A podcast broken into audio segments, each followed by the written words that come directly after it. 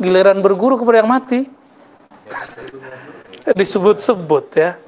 Ya semoga itu salah ya. Itu akibat kalau suka jawab semua hal yang ditanya. Maka kita nggak kalau nggak tahu bilang lah dari saya nggak ngerti. Kita ngaku nggak ngerti itu udah separuh mengerti. Antum ngaku nggak tahu nih pasti datang ke sini. Kalau kita bahasnya bahas ini. Tapi kalau sotoy gimana? Apaan tuh? Arozi, ya. Anak muda ngomong-ngomong tasawuf. Emang tasawuf ada apa urusannya sama muda sama tua? Coba lihat di kampung kita orang tua, ngerti nggak tasawuf? Hah? Ngerti nggak? Nggak usah tasawuf, alfiah aja nggak ngerti. Ya, ujurumiyah aja deh nggak tahu dia. Akidah sifat 20 aja nggak apal. Tua secara fisik. Jadi jangan hukum orang lagi dengan usia fisik. Imam Nawawi umur 45 tahun. Buku yang ditulisnya sama seperti orang berumur 80 tahun. Jadi kalau diukur nih karya beliau sama kayak orang umur 80 baru mati. Nah, bukunya sebanyak itu. Berarti yang panjang umur apanya? Umur rohaninya.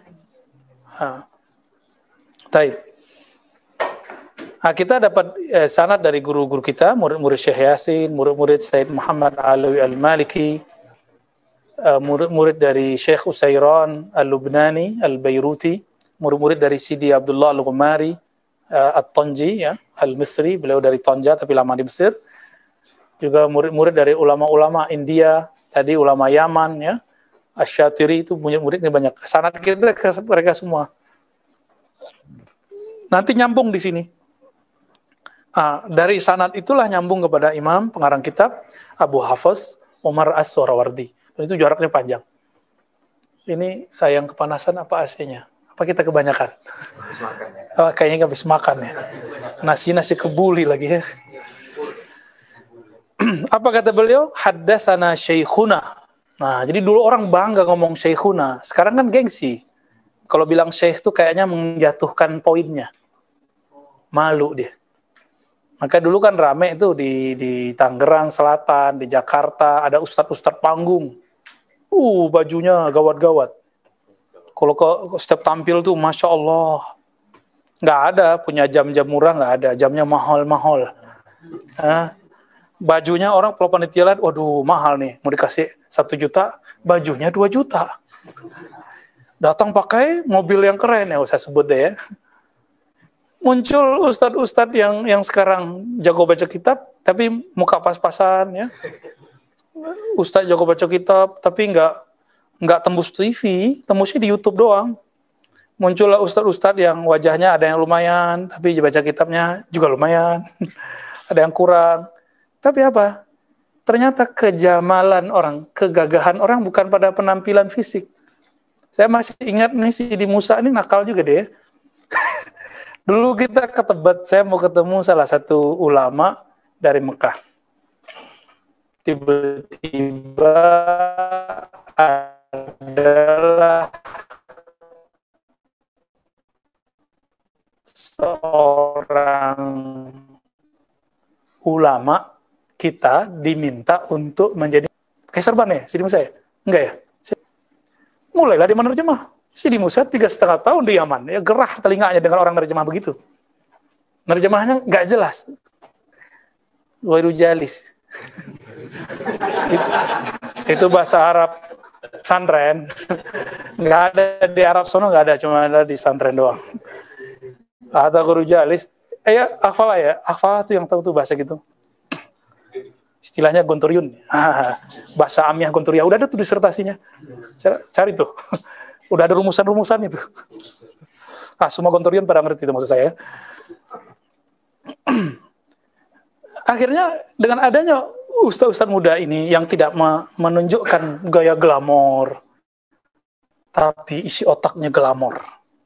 Isi otaknya kitab, kitab, kitab. Habis tuh.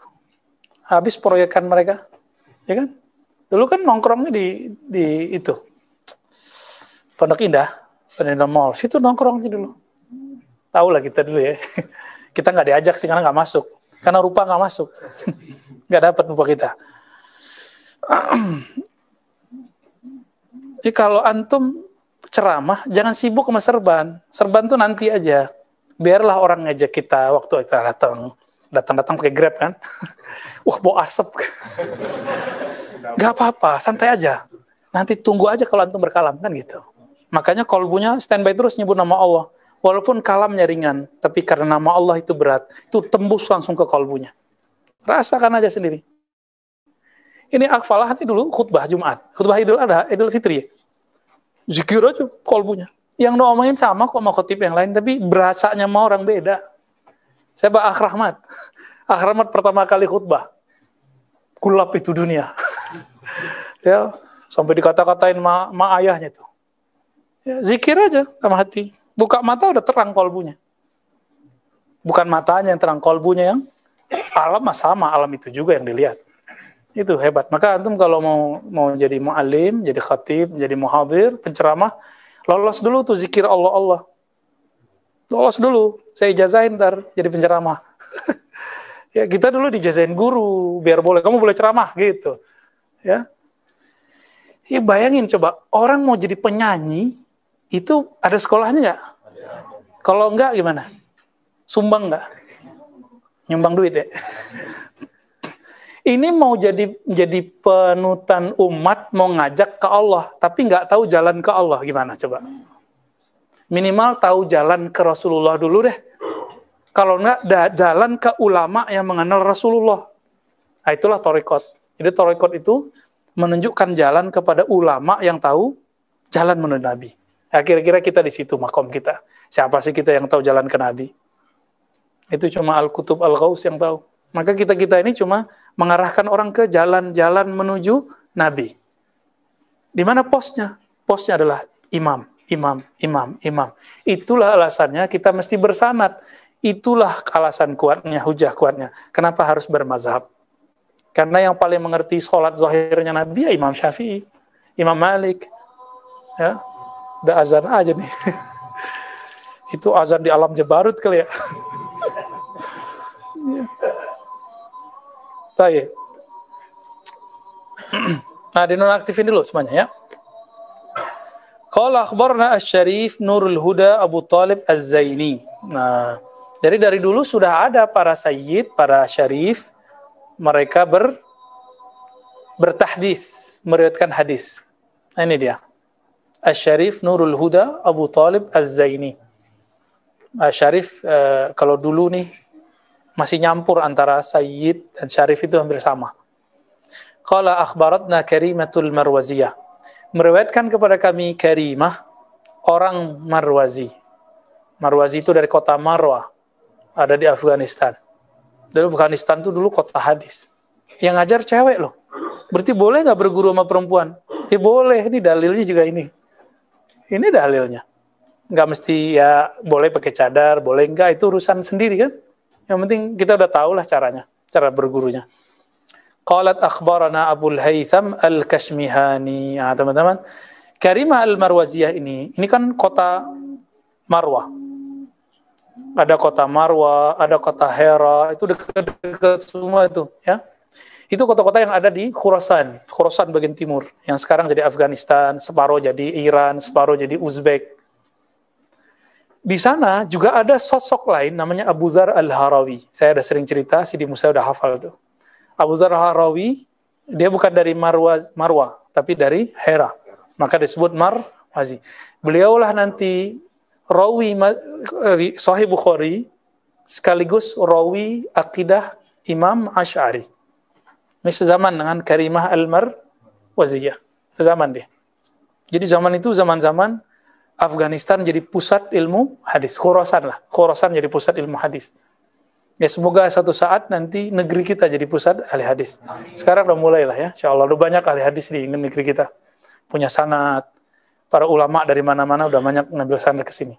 Cuma udah kena covid. Nggak tahu nanti deh ya. Ah, saya punya PR satu nih insya Allah ya bulan April kali ya bukunya buku sanatnya Syekh Marwazi Marwazi juga namanya. Kuningan. Al-Makki Al-Batawi Al-Falimbani. Ya beliau campuran. Insya Allah lah nanti. Semoga Allah mudahkan. Dari sanatnya. Kalau ada antum nanti langsung ambil sanatnya ke beliau. Ya saya cuma jami'nya bersama Sidi Musa. Apa kata Al-Kashmihani? Jadi Kashmihani ini termasuk guru dari Abu Zar Al-Harawi. Berarti mereka laki perempuan dulu rihlah. Ya, jadi bukan berarti antum perempuan nih udah akhwat, udah hijrah, terus nggak ke mana-mana, nggak sahih itu. Dari dulu para ulama ahli hadis mereka safar kok, mau dia perempuan ataupun tentunya kalau perempuan mereka ada mahramnya ya. Mahram kalau versi beberapa ulama karena zaman dulu belum aman, kalau sekarang kita pakai sesuai mazhab Syafi'i. Semua perempuan mukmin sesama mereka mahram. Kan gak lucu nih Saudi. Saudi giliran pergi haji, umroh perempuan harus ada mahram ya? Giliran ada pembantu gimana? Mainin agama mereka. Ya, itu mainin agama itu namanya. Kesel gak gitu tuh? Ya, maka bagi saya haram orang ngirim TKW ke luar negeri. Itu bagi fikih fikih gue. ya, gimana? Sepakat gak? Sepakat antum? Nyampe di sono ngapain orang-orang kita? Ya jadi orang rendahan. Dan cuma satu dua yang berhasil. Ya. Jadi kalau ada yang masih jadi pembantu di sana, udahlah segera pulang lah. Ya. Mending di negeri kita pas-pasan juga yang penting berkah. Ngapain di sono kita dihina ya kan? Di Hong Kong juga banyak sekarang. Apa kejadiannya? Perempuan suka sama perempuan hari ini. Ya, tanya tuh ya. Teman saya penelitian khusus itu. S3. Udah punya laki di kampungnya. Di sana jadi Nah, kenapa hasrat? Hasrat kan nggak bisa diapa-apain. Orang berhasrat, orang kalau udah punya hasrat, hilang sepertiga akalnya. Kita juga begitu sama semua. Nah, kita mengatakan begini, ya di sini aja lah. Semoga Allah berkahi di negeri kita. Ya, jadi ada kalau ada keluarga, mohon maaf nih antum ya, jangan tersinggung ya. Tersinggung aja. Taib. Abu Haisam Al-Kashmihani. Qala akhbarana Abu Abdullah Al-Firabri. Bacanya Firabri. Firabri, Firabr. Dari kota Firabr, kampung Firabr. Itu murid langsung Imam Al-Bukhari. Beliau khatam Sahih Bukhari waktu Imam Bukhari mampir di kampungnya. Lalu ketika Imam Bukhari sudah sampai di kota Bukhara. Jadi dia khataman lagi di sana dua kali khatam, khatmatain. Jadi dulu biasa ulama khataman di ya dua kali. Dan walau alam apakah khatamannya bulan Rajab? Kenapa? Karena salah satu tradisi ulama kita khataman Bukhari bulan Rajab. Nah, cuma karena di e, kita zaman pandemi gini nggak mungkin ketemu berkali-kali seminggu, maka saya buat dalam bahasa Arab kajian Sahih Bukhari ba'da subuh hari Jumat. Jadi kita karena tidak khataman versi lama, khataman bulan Rajab kayak gitu, kita udah jalan aja jalan aja seperti yang diajarkan guru kita dulu. Ya, tapi kalau ada tradisi itu bagus. Dulu di Kuitang itu ada tradisi itu, nggak tahu sekarang masih nggak. Pesantren-pesantren, namanya apa kalau baca cepat itu? Bukan bahasa kampung kita. Pasaran. Ah, ngaji kita pasaran. Bukan berarti jadi pasar, bukan. Dan itu ternyata tradisi dari sono. Santri-santri kan nggak dikasih cerita sama kiainya. Akhirnya santri-santri lagi pasaran, benar-benar pikirannya sampai di pasar. Badannya ada depan kiai. Tapi waktu saya bahasa Bukhari tidur gitu ya. Aduh, kasihan ya. Dulu orang kalau ada wabah di, di, di Mesir, itu mereka kataman Sahih Bukhari. Cuma dulu, ya kan? Dulu. Kalau zaman sekarang nggak mampan. Kenapa? Ini pertarungan Al-Mahdi dengan Ad-Dajjal. Jadi mau dibaca Bukhari seribu kali nggak ngaruh ya karena urusannya udah urusan wali akhir zaman ya jadi nggak usah deh antum niat khatam Sahih Bukhari untuk raf daf'ul waba raf'ul bala nggak usah ya qala akhbarana Abu Abdullah Al-Bukhari. Nah, ini ayahnya bukan? Bukan, gurunya. Siapa gurunya nih? Imam Bukhari. Yang kita maksud-maksud yang kita sering sebut hadis riwayat Bukhari. Ini dia orangnya, ya namanya Muhammad ibn Ismail Abu Abdullah al Bukhari. Dari mana kota Bukhara? Bukhara Arab bukan? Anak kemarin sore loh ya. Umur 16-17 tahun ngelurusin hafalan umur orang 60 40. Kok bisa? Karena dia berguru. Maka asy-syaikh indana man kana lahu isnad. Jadi yang kita sebut syekh orang tua yang dituakan itu yang punya guru. Imam Bukhari itu prototipe daripada anak muda tapi bermakom syekh. Ya. Qala hadatsana Umar bin Hafs ya dari dari Umar dari Hafs berkata bahwa hadatsana al-Amash. Amash ini namanya Sulaiman bin Mihran. Beliau ini berseberangan dengan Ibnu Syihab Zuhri. Ibnu Syihab Zuhri ini kayak Ma'ruf Amin hari ini, dekat dengan pemerintah bahkan jadi bagian dari pemerintah. Siapa dulu khalifahnya? Umar bin Abdul Aziz. Kalau sekarang kan enggak. ya, cuma semoga sih ngikutin jalur itu ya, semoga. Uh, di zaman itu yang dekat dengan Umar bin Aziz sang khalifah itu namanya Ibnu Syihab Az-Zuhri. Ya. Al-Amas ini yang antinya. Beliau melarang orang dekat ke penguasa. Kenapa? Karena Al-Amas tahu dirinya, dia kalau dekat penguasa pasti dia lemah. Tapi Ibnu Syihab tahu dirinya bahwa yang memimpin sekarang adalah teman ngajinya sesama halakoh ngaji hadis. Itu kan Umar bin Aziz dulu pernah dirobek-robek catatannya sama gurunya. Itu Ibnu Syihab Zuri menyaksikan. Maka mereka punya proyek. Apa proyeknya? Mentadwin hadis. Mengkodifikasi hadis. Jadi laula Umar bin Aziz wa alim min ulama sultan. Nah, kita kasih istilah begitu. Kalau bukanlah karena khalifah yang adil dan ulama pemerintah ini yang bernama Ibnu Syihab Az-Zuhri, lam najid al-an Bukhariyan wala Musliman wala wala wala wala. Ya enggak? Jadi kita sekarang enggak akan ketemu Sahih Bukhari Sahih Muslim. Karena Sahih Bukhari Muslim itu adalah proyek terusan dari jasanya Ibnu Syihab Zuhri setelah dia wafat bahkan satu abad. Jadi kita beruntung. Maka harus ada ulama yang membersamai Umar kalau enggak nanti belakang ulamanya siapa syaitan semuanya nah jadi harus ada yang bersama mereka dan kita doakan ulama ini karena mereka pasti dihujat. Pasti orang-orang semua suuzon karena itu sudah sunnatullahnya. Apa kata para ulama dulu? Idza ra'aital muhaddis yatruku babal babas salatin atau babal umara fattahimuhu. Jika kamu mendengar ada atau melihat ada ahli hadis ulama suka ngetuk datang datang ke pintu-pintunya para salatin para sultan, para raja, fattahimuhu. Maka tuduhlah dia. Itu ulama proyek dunia. Kalau Ibnu Syihab, proyek dunia apa akhirat? Akhirat. Taunya gimana? Meninggal dulu dia baru orang tahu. Jadi nanti kita akan mengelu-elukan orang yang kita caci maki hari ini. Atau orang yang turun dari jabatannya sekarang. Sekarang kita kritik-kritik nih. Kita caci maki. Karena kita nggak ngelihat kan masa depan kan kita nggak lihat.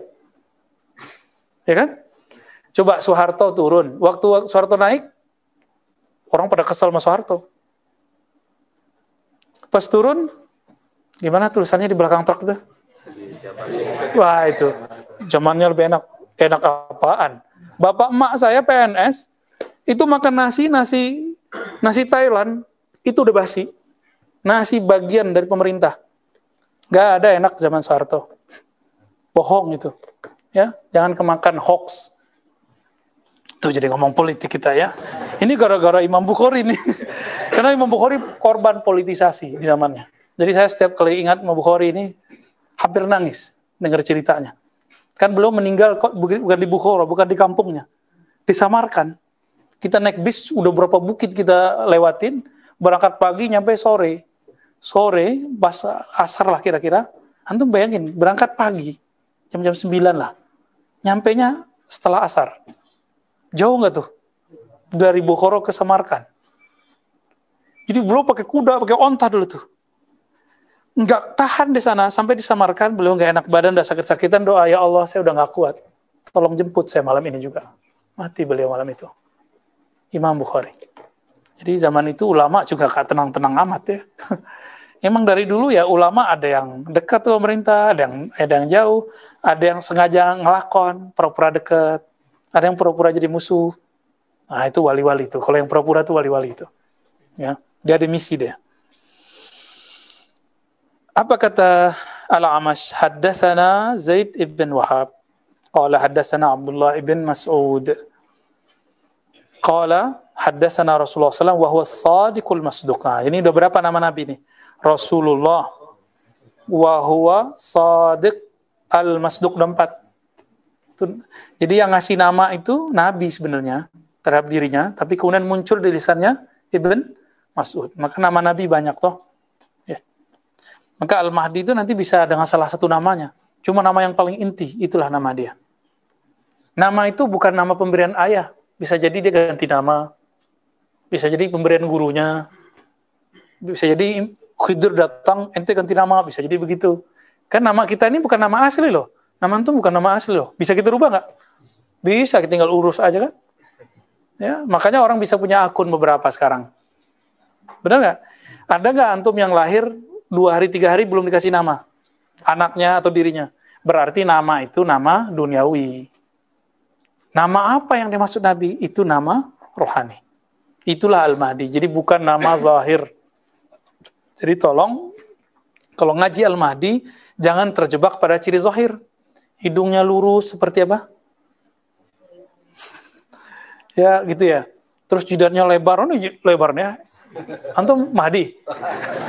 Berjenggot tuh kan gagah tuh kayak uh, kayak apa? Al-Fatih ya. Enggak, enggak begitu cara memahaminya. Jadi ada teknik memahaminya. Dimensi nubuatnya. Inilah beda ahli tasawuf, mereka mengkaji tentang Al-Mahdi dengan ahli hadis tok tanpa mengerti tasawuf.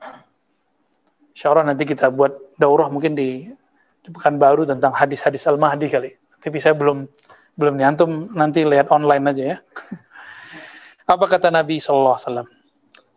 Inna ahadakum, masing-masing kamu sungguh yujma khalquhu, dikumpulkan penciptaannya.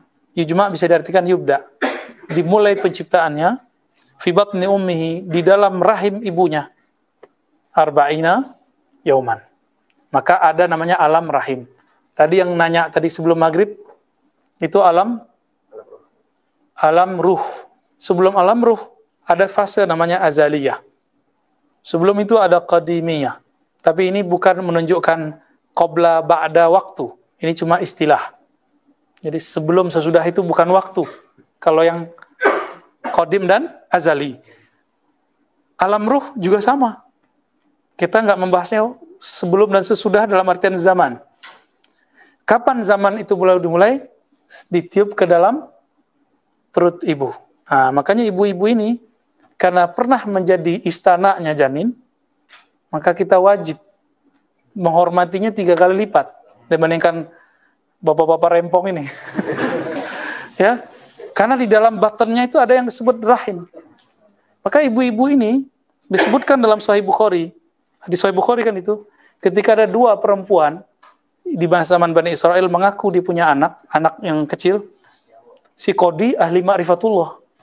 Dia tahu sifatnya orang yang punya rahim, dia berani mati berkorban, bahkan berani apa saja untuk si si anak yang dia keluarkan dari rahimnya. Apa yang terjadi? Si Kodi bilang, ya udah kalian bertengkar mulu, saya sembelih aja ya. Saya sembelih sekarang juga, jadi kalian nggak perlu ini lagi. Ambil pisau udah. Udah mau nyembelih, apa kata seorang ibu? Nangis dia. Halas kali. Kasih anak itu buat ibu tadi. Kenapa? Di dalam diri perempuan itu ada ar-rahim. Maka antum durhaka kalau durhaka ke durhaka kepada Allah kalau durhaka kepada ibu.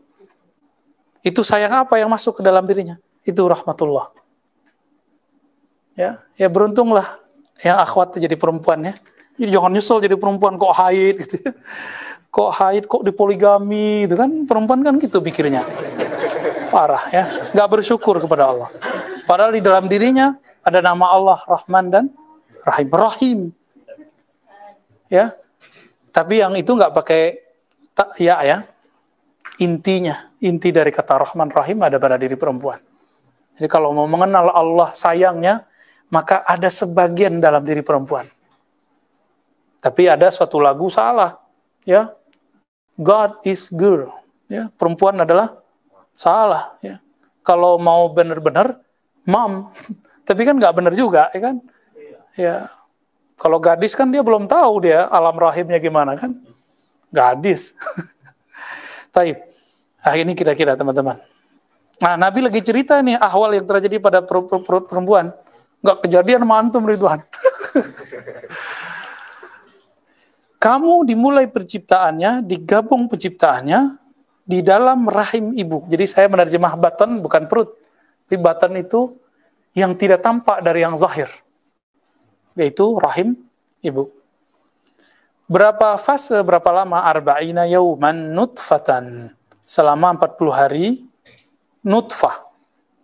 Tapi kata 40 hanya diulang sekali, hanya disebut sekali summa yakunu alaqatan misla dhalik, summa yakunu mudghatan misla dhalik. Lalu menjadi alaqah. Alaqah itu alaq, apa arti alaq? Gantung. Gantung. Lintah itu disebut sejenis ya, ilaq apa alaq? Ya, benar ya lintah ya. Maka alaqah dikasih tak marbutah menunjukkan itu janin. Jadi janin itu sebelum jadi dia kayak lintah, darah beku. Itu alaqah. Ya. Berlanjut berubah menjadi daging.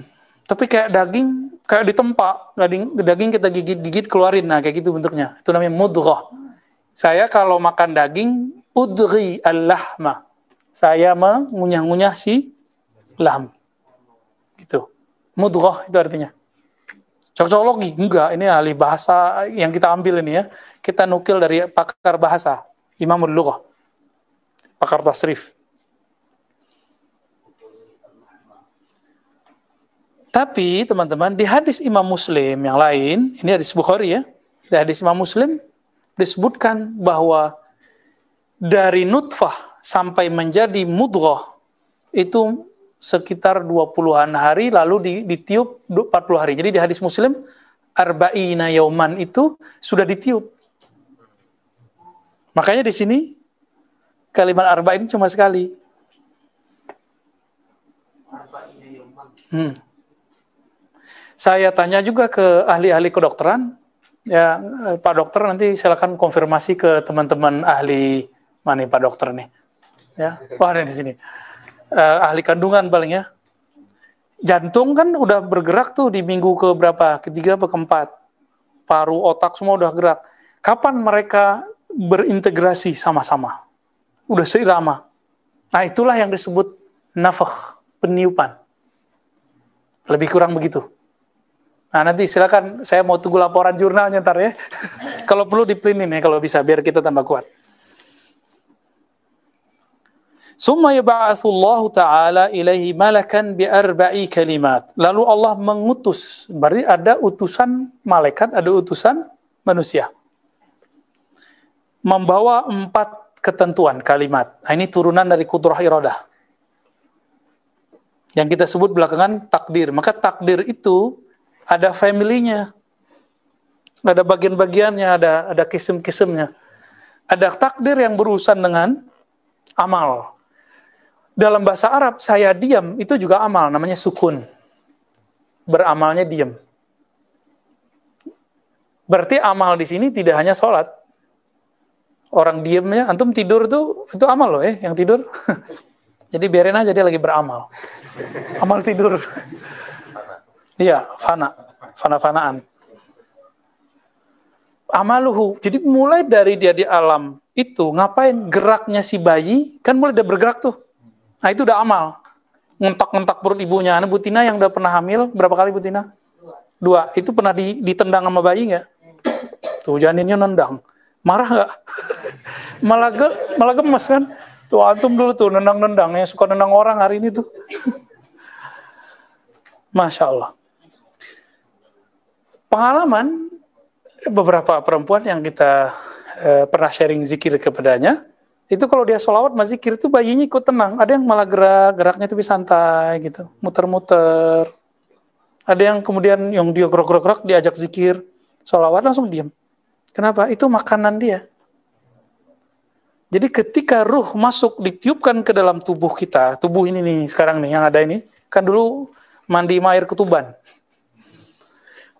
di saat itu antum udah nggak ngelihat Allah. Di alam ruh masih lihat Allah, syahidna, masih lihat Allah. Tapi ketika masuk ke dalam janin nggak lihat. Barangkali itulah makna isyari daripada yang surat Az-Zumar fi zulumatin salas. Dalam kegelapan yang tiga lapis. Ayat berapa tuh sih di Musa? Ustaz Badrul Tamam. fi zulumatin salas. Itu saya suka dulu baca itu zaman-zaman masih jadi musyrik. ya, kalau nggak ditakrir begini deh jadinya ya. Itu zulumatin salas. Apa itu? Tubuhnya dia, lalu kantong, apa tempatnya itu namanya?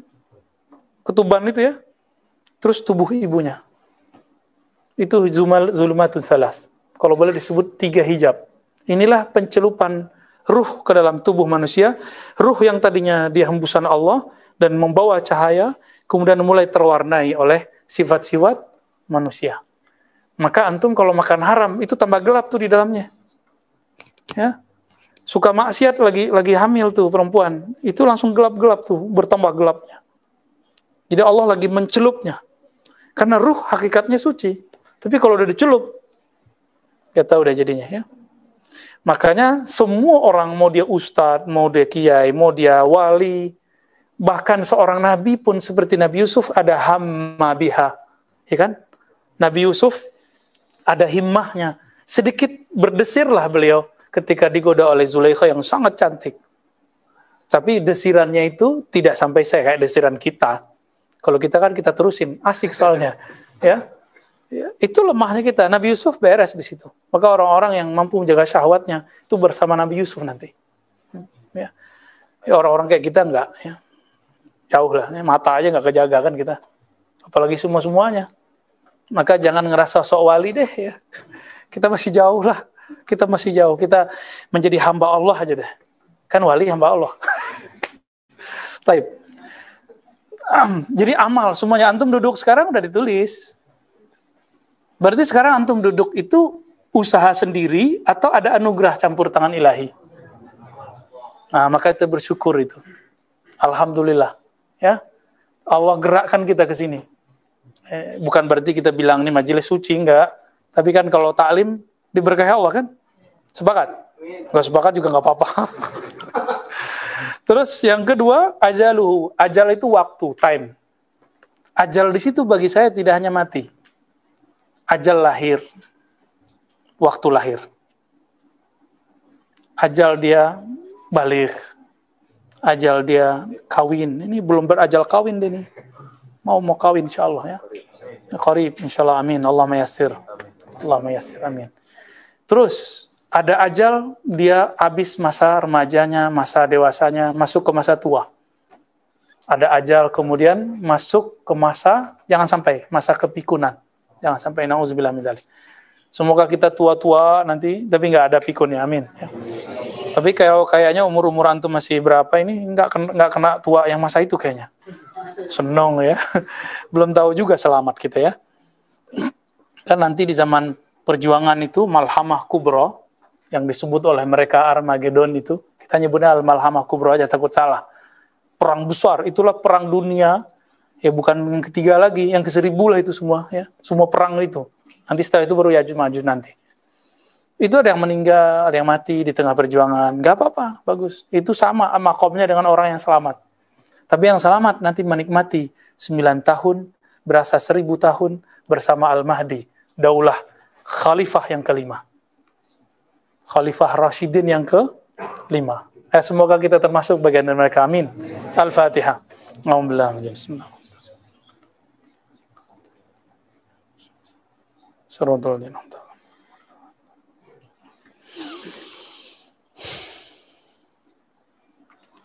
Warizkuhu dan rizkinya.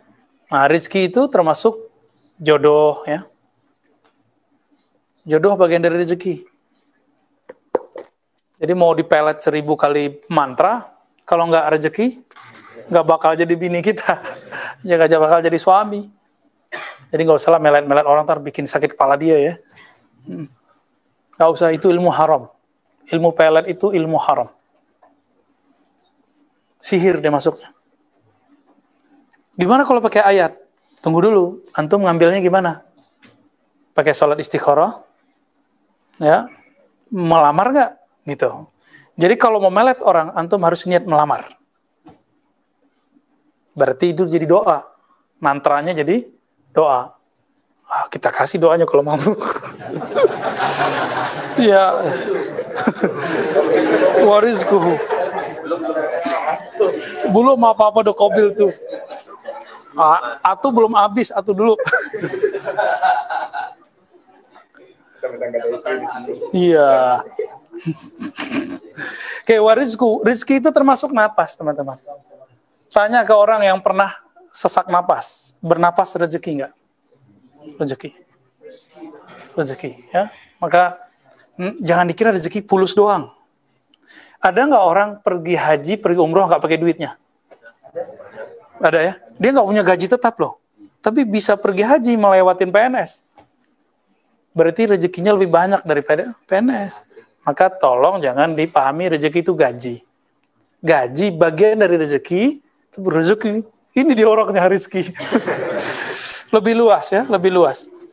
Wasyaqiyun am sa'id juga sudah ditentukan sebenarnya ini sudah dari kalam Allah qadim lalu kemudian diturunkan lagi syaqi au sa'id. Orang ini bakal jadi orang yang sengsara di, di di akhirat atau menjadi orang yang bahagia di akhirat. Kalau sengsara di mana? Syaqi. Neraka. Kalau dia bahagia? Sa'id ya.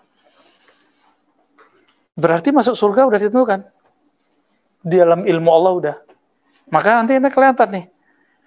Lahir batinnya cenderungnya ke mana? Cenderungnya ke ahli surga, nanti batinnya kelihatan. Jadi ini berbicara karena ini di alam alam janin masih separuh ruh, separuh ruh, separuh badan. Maka ini urusan kolbu, bukan urusan fisik. Jadi jangan ketipu. Banyak hari ini orang yang zahirnya kayak orang-orang maksiat, tapi batinnya batin orang ahlu taat. Sebaliknya, banyak orang hari ini mazahirnya, performannya, waduh, masya Allah, berserban, berkopiah, berkopiah hitam, pakai ini lengkap, kayak kita kita ini. Tapi nggak tahu kita masuk mereka atau nggak, semoga tidak ya. Tapi batinnya tidak ada ketaatan. Ciri-cirinya apa? Merasa lebih taat dari orang, merasa paling benar. Beda sama dia sesat, beda sama dia kufur. Ketemu gak hari ini? Ya itulah khawarij namanya yukafir, yukafir, yukafir, yukafir, ngapir ngapirin orang aja ya. Sampai Syekh Hasan itu mengatakan fi butunihim bid'ah hatta la yakhruj illa bid'ah. Itu Syekh Hasan itu saking gergetannya. Tahun 2008 ngomong begitu ya. Itu perut mereka isinya bid'ah, sendawanya aja bid'ah. Tapi masih mending. Kalau yang udah kufur ya, oh main kafir-kafirin aja. Ya. Hati-hati teman-teman ya, itu zombie itu. Itu khawarij. Ya. Zohirnya manusia, batinnya iblis itu. Ya. Jadi ini bicara zohir apa batin? Batin. Ya. Maka jangan terpedaya melihat orang dari zohirnya. Cuma ya iyalah ya, zohirnya kan pasti penting. Tapi kan hati kita bisa bicara. Nanti dari kalam, dari sikap, nanti keluar. Ya, itu kan udah lihat tuh orang-orang berserban, berkopiah, tapi dia suka ngafirin orang, kedengeran hari ini? Ya kita doain aja tobat ya. Terima kita juga tobat. Amin. Ya Rabbal Alamin. Summa yanfuku fihi ruh. Ah, dibawalah bersama kalam yang empat ini peniupan ruh. Ada nafah. Ini tiupan malaikat yang niup atau Allah? Allah. Jadi kalau kita buat uh, ilustrasi ya, Allah kasihlah tempat satu wadah cahaya, tempat hembusan Allah itu dibawa ke alam janin, setelah 40-an hari itu dilepasin. aja masuklah ke dalam badan. Bersamaan dengan empat tadi. Ah, lalu diturunkan makna syaqi am sa'id. Ini penjelasannya. Wa innar rajul la ya'mal bi'amali ahli nar. Ada orang beramal seperti ahli neraka. Suka siat. Sehingga antara dia dan neraka cuma satu zira.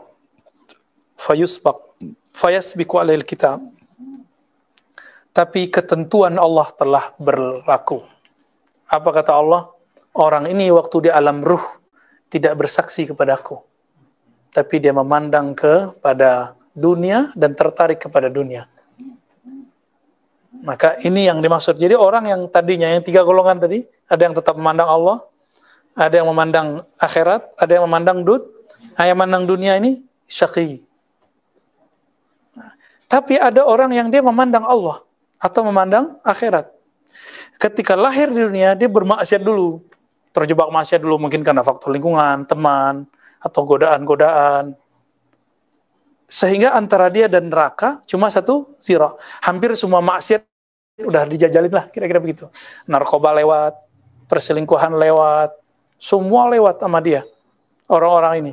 Tapi Allah sudah tentukan ruhnya dulu istiqomah memandangku. Selamat gak dia? Selamat ya. Orang ini selamat. Berarti ini yang dikatakan dalam kitab Zubat, wali itu sudah wali dari alam ruh. Udah ditentukan ini di kitab ini tentang mahabbatullah. Ya, masih ingat kemarin? Minggu lalu, udah lupa ya? Makanya kajian harus diulang-ulang terus. Jadi Imam Izzuddin bin Salam, murid Abu Hasan Syazili mengatakan, orang itu jadi wali udah dari sononya. Walaupun zahirnya bermaksiat. Itu sebabnya kita nggak boleh merendahkan orang siapa pun, walaupun dia pemaksiat. Tapi kalau dia kufur, lain cerita. Yang boleh kita rendahkan cuma orang kufur. Orang kafir. Kalau dia menentang Allah, dia menghina Rasulullah, baru kita kemudian boleh berkata, yang pedes ke orang ini. Tapi kalau enggak ya enggak usah. Cuma maksiat doang kok. Emang kita bisa selamat besok hari kan enggak juga. Antum nih 40 hari ini misalnya aman. Emang setelah itu bisa selamat? Emang besok bisa ada jaminan? Enggak ada jaminan kok. Syahwat kalau sudah naik kan nggak bisa dihalangi. Ya, cinta dunia mau fulus kalau udah datang nggak bisa dihalangi juga. Mau kiai dibabat tuh sama kiai. Makanya ada kiai jadi anggota DPR koruptor. Ada kiai jadi wali kota, gubernur korupsi. Kenapa? Sama aja, kiai itu kan gelar-gelar dunia aja tuh. Ya, label aja. Tapi bisa nggak dia jadi wali? Setelah itu mungkin aja. Siapa tahu dia tobat. Dia nangis setiap malam, ya kan? Walau alam. Jadi ini teman-teman, nggak ada yang namanya hitam putih hitam putih. Jadi kalau pertanyaan maunya iya tidak itu nggak bisa. Ada jawaban yang iya tidak, ada yang iya iya, kadang tidak tidak. Kadang iya tidak, iya tidak, iya tidak, jadi dua. Kadang separuh iya, separuh tidak. Begitu selalu hukum. Hukum rohani. Tapi kalau hukum fikih, zahir, hitam putih. Dan sebaliknya, ya, karena orang ini tadi ditetapkan sebagai surga, maka dia masuk surga. Cukup dengan dia bersyahadat dalam batinnya. Itulah orang yang diceritakan di hadis ini, orang yang bunuh 100 orang. Al-Gojo yang bunuh 100 orang masih ingat? Nah ini yang disebut di hadis ini. Memang ada hari ini orang yang bunuh sebanyak ini. Langsung dengan tangannya. Nggak ada, dialah yang paling banyak. Ya, kalau kalau sekarang kan paling pakai bom, itu nggak langsung. Tapi lebih parah ya. Wa inna rajul sebaliknya ada laki-laki yang ya'mal bi amali ahlil jannah. Zahirnya kayak ahli surga, udah ngomongnya dalil. Bangun pesantren yuk pengajian yuk, hijrah yuk. Tapi setelah itu apa?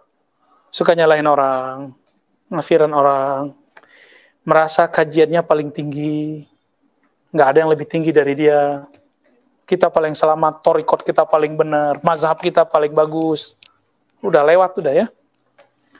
Fayas biku alail kita fayamal amali ahli nar fayadkhulun nar ya. Tapi ketentuan Allah berlaku. Dulu ruhnya emang dulu belagu, nggak mengakui Allah, maka dia dapat toat pun belagu dengan toatnya. Dapat ilmu belagu dengan ilmunya. Nah, ini hati-hati nih. Makanya muncullah husat itu dari karangan kiai, karangan ulama. Dia nggak rela ada orang lebih alim dari dia. Itu sama sama dia aja nggak mau. Ada nggak begitu? Banyak. Kalau nggak nggak akan ada kitab Ihalumuddin 4 jilid. Perjilid loh. Jadi itu kitab untuk orang-orang ulama yang hasad. Silakan dibaca kitab itu. Itu untuk kita, untuk kita semua. Ya. Nah, kitab-kitab ini ya turunan-turunan dari kitab itulah. Jam 8 Musa. Kita lagi lah ya. Sebenarnya tambah seru ini. Wa qala ta'ala wa laqad khalaqnal insana min sulalatin min tin thumma ja'alnahu nutfatan fi qararin makin. Surat Al-Mu'minun ayat 12-13. Ini menunjukkan bahwa kita bukan satu unsur. Manusia itu ada dua unsur. Sungguh kami ciptakan manusia min sulalatin min tin. Antum manusia apa hewan? Manusia. Manusia apa jin? Manusia apa malaikat? Serius. Yang datang nih Malaysia. Kalau benar manusia, inilah kita lagi di, di, digosipin nih di Quran nih. Berasa nggak? Sungguh kami menciptakan manusia. Ah, antum terasa nggak nih? Nggak terasa kan? Berarti nggak manusia ini. Dari sulalatin mintin. Ya, sekarang kan udah jadi sulalah jadi sel. Sel-sel yang dari cocok logi. Enggak, emang hasilnya begitu. Sulalah lamnya dua kan? Sulalatin min dari sel-sel dari anasir-anasir yang ada dalam tanah. Kita sebut hari ini sari pati tanah, bukan sari pudin. Summa ja'alnahu nutfatan fi qararin makin. Lalu kami jadikan ia. Ia itu siapa? Saripati itu. Allah pras pras pras pras jadi air mani. Ja'alnahu nutfatan. Eh, coba tanya nih sama, laki-laki yang nikah. Antum yang menciptakan air mani, sperma? Yang udah nikah? Enggak. Kok ada? Berarti ada yang ada makhluk lain di diri kita dong. ada yang ada yang berperan dalam diri kita kan? Bukan jin loh ya.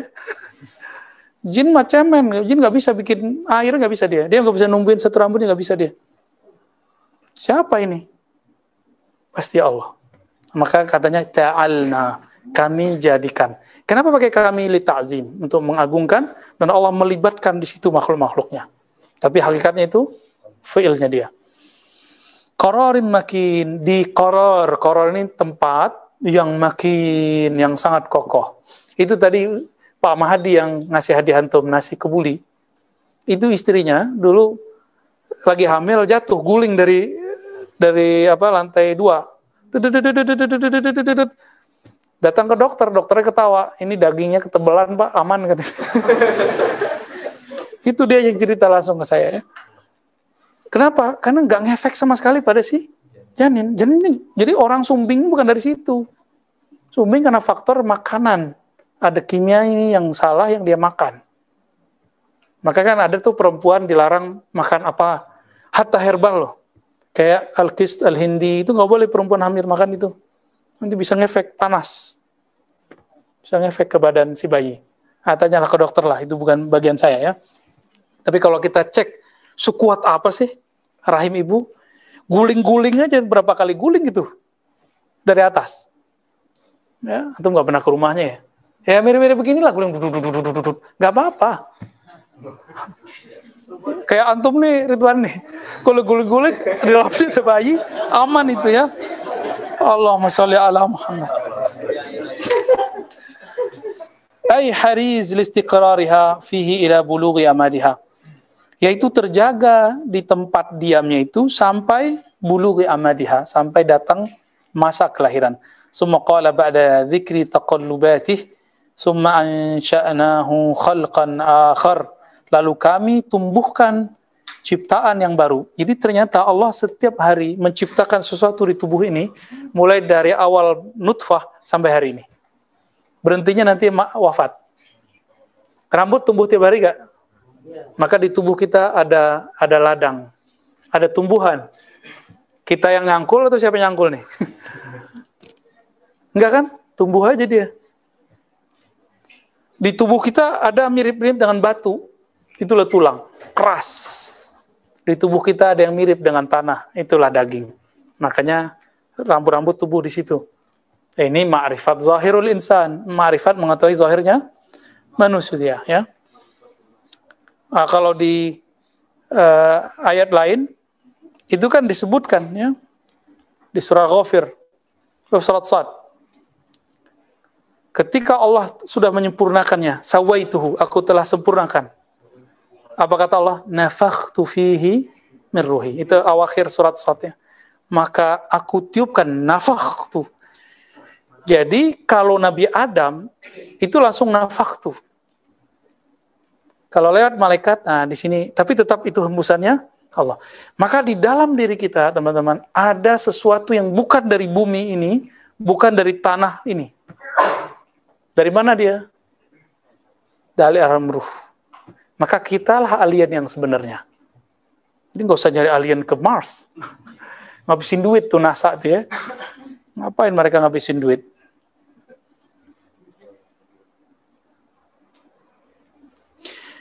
Hadal insya nafhur ruh fihi. Itulah yang disebut peniupan roh. Ya. Nah, nanti kalau meninggal, tanah pulang ke mana? Tanah. Ruh balik ke mana? Kembali ke alam ruh, kehembusannya Allah. Nah, tapi ketika ditiupkan ruh itu, muncullah satu nama, namanya nafs. Apa arti nafs? La yukallifullahu nafsan illa wus'aha. Kullu nafsin za'iqatul. Maka Allah menyebut kematian itu hanya pada nafs, bukan pada ruh. Ruh tidak pernah mati. Dia selalu hidup dengan hayatullah. Dia selalu ada dengan qayyimatullah, ya, qayyumnya Allah SWT. Jadi ruh kita nggak pernah mati, ruh kita sama aja. Dulu sekarang kayak begitu-gitu aja dia. Bedanya yang berkembang otak ini. Jadi ruh ketika masuk ke dalam ini, maka dia perlu perlu adaptasi. Maka dia mencari nih, mencari ke mana? Mencari mau pulang, jalan pulang ke ke yang menghembuskan ruh. Jadi dia lagi mencari jalan innalillahi wa innalillahi rajiun. Maka kata innalillahi bagi ahli ma'rifat itu beda dengan innalillahi yang dibaca setiap kali pagi-pagi itu yang menyeramkan tuh ya. Innalillahi. Saya takut loh dengerin itu. Serius. Dulu Allah yarham almarhum Pak siapa dulu Pak Haji Tong ya di di Ciputat. Itu kalau baca itu saya paling takut. Itu menyeramkan ya. Kayak kita langsung ingat mati. Gak berani tuh gerak ke mana-mana itu 15 menit kita diem aja. Hebat juga nih Bantong ini ya. ya. Dahsyat beliau itu. Ya, dia pakai perasaan dia bacanya. Eh dibid'ahin sama anak bocah-bocah baru muncul sekarang. Ya. Terus mereka buat bid'ah baru. Jadi kalau ada orang meninggal, itu pakai motor. Teriakin. Udah meninggal fulan. Jadi melarang ini bid'ah buat bid'ah baru. Iya, apa lebih parah, lebih berisik.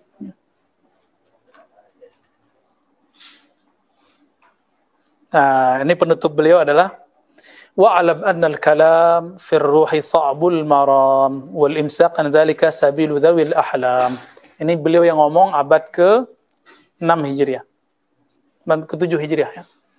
Ketahuilah bahwa membicarakan perasaan ruh itu itu sa'bul maram, tujuan yang sulit. Jadi kalau buat disertasi itu nggak jadi-jadi kira-kira begitu. Wal imsakan dzalika sabilu dzabil ahlam. E, menahan diri tawakuf itulah jalannya orang-orang yang ahlam, orang-orang yang dewasa secara spiritual. Tapi dia ngomong gini ya, habis itu dia ngomongin. Itulah lucunya kitab ini. Ya. Wa qad azzama Allah taala sya'na ruh. Nah, dia udah bilang menahan diri tidak membicarakannya itu ciri-ciri zawil ahlam. Tapi kan dia belum bilang ahlul ma'rifat gimana. Nah, ini dia lagi ngomong ahli ma'rifat. Menurut ahli ma'rifat, Allah membesarkan mengagungkan persoalan ruh wa asjala 'alal khalqi bil ilmi. Lalu menetapkan bahwa makhluk hanya dapat sedikit. Wa ma utitum minal ilmi illa qalila. Kamu tidak diberi ilmu minal ilmi. Minal ilmi birruh. Mengenai ilmu mengenai ruh kecuali sedikit. Tum. Tumnya siapa nih? Kamu, kan yang nanya uh, Yahudi. Bukan Nabi.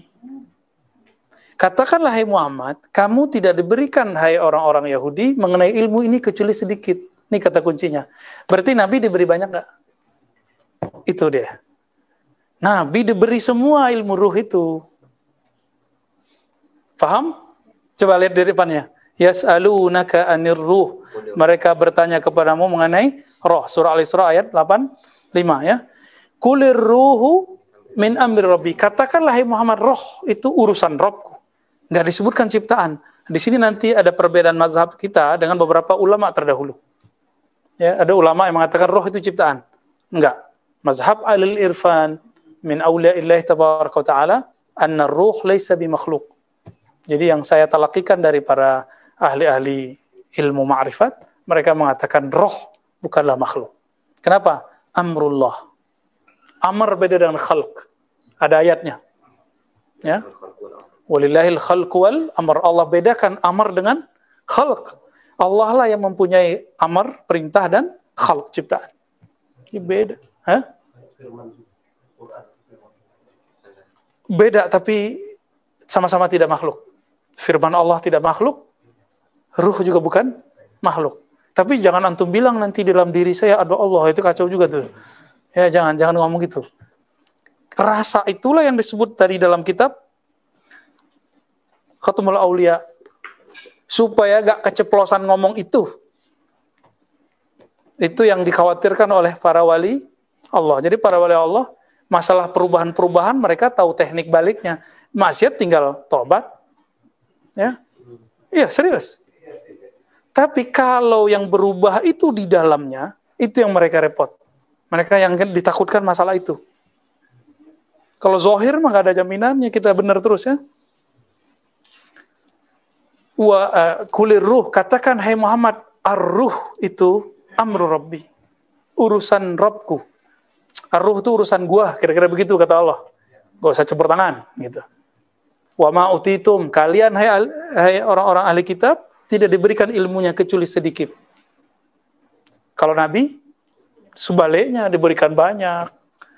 Inilah mazhab kita. Inilah yang dibagi nanti di akhir zaman, ya inilah zamannya kita.